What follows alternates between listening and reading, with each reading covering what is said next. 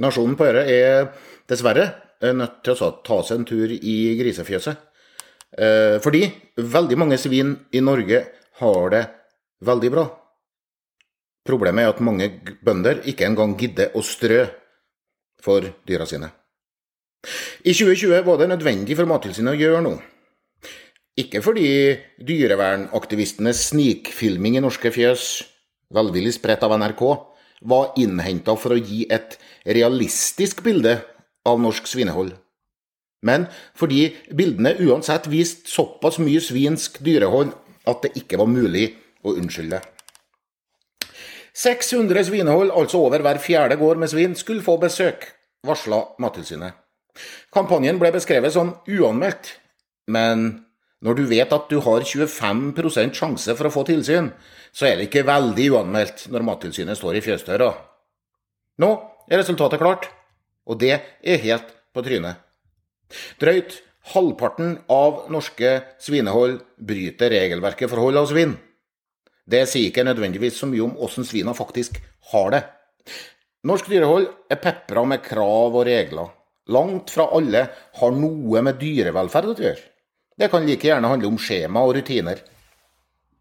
Men regelbruddene i svinenæringa har svært mye med dyrevelferd å gjøre.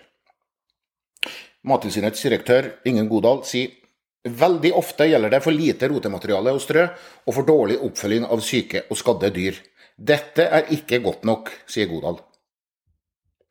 Nesten én av fire bønder oppfylte ikke kravet til behandling av syke og skadde dyr.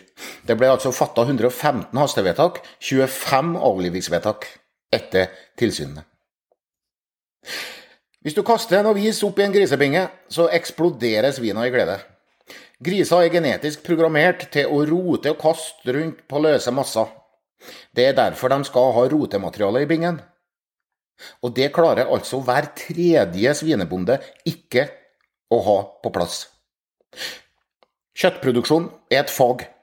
Det krever til dels spesialisert kunnskap. Kunsten å strø sagflis eller annet strømateriale som dyra kan ligge på, er langt enklere. Hver fjerde svinebonde klarer ikke å strø nok. En del strør ikke i det hele tatt. Hvis svinebøndene strør og gir rotemateriale slik de har fått beskjed om, løftes dyrevelferden. Imidlertid må de dårligste svineholdene få en varig forbedring, eller avvikles, mener Mattilsynet. Men hva gjør Mattilsynet for å få til det? Bønder som ikke strør eller har rotemateriale til svina sine, bryter forskriften om hold av svin. Det vil si at de også bryter kravene i KSL, altså kvalitetssystem i landbruket.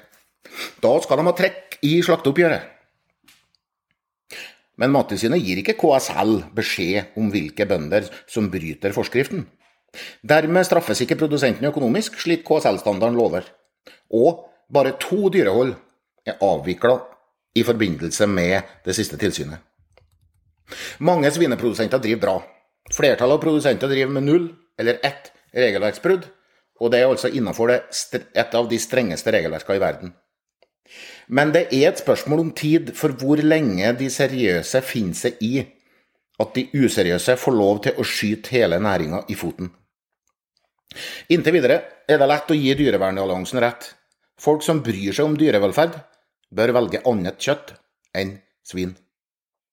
Landbruks- og matminister Sandra Borch fra Senterpartiet kan ha rett i at det er mulig å gjøre forbedringer innenfor dagens regelverk. Om næringa klarer å skjerpe seg med alle dagens produsenter om bord, er et annet spørsmål.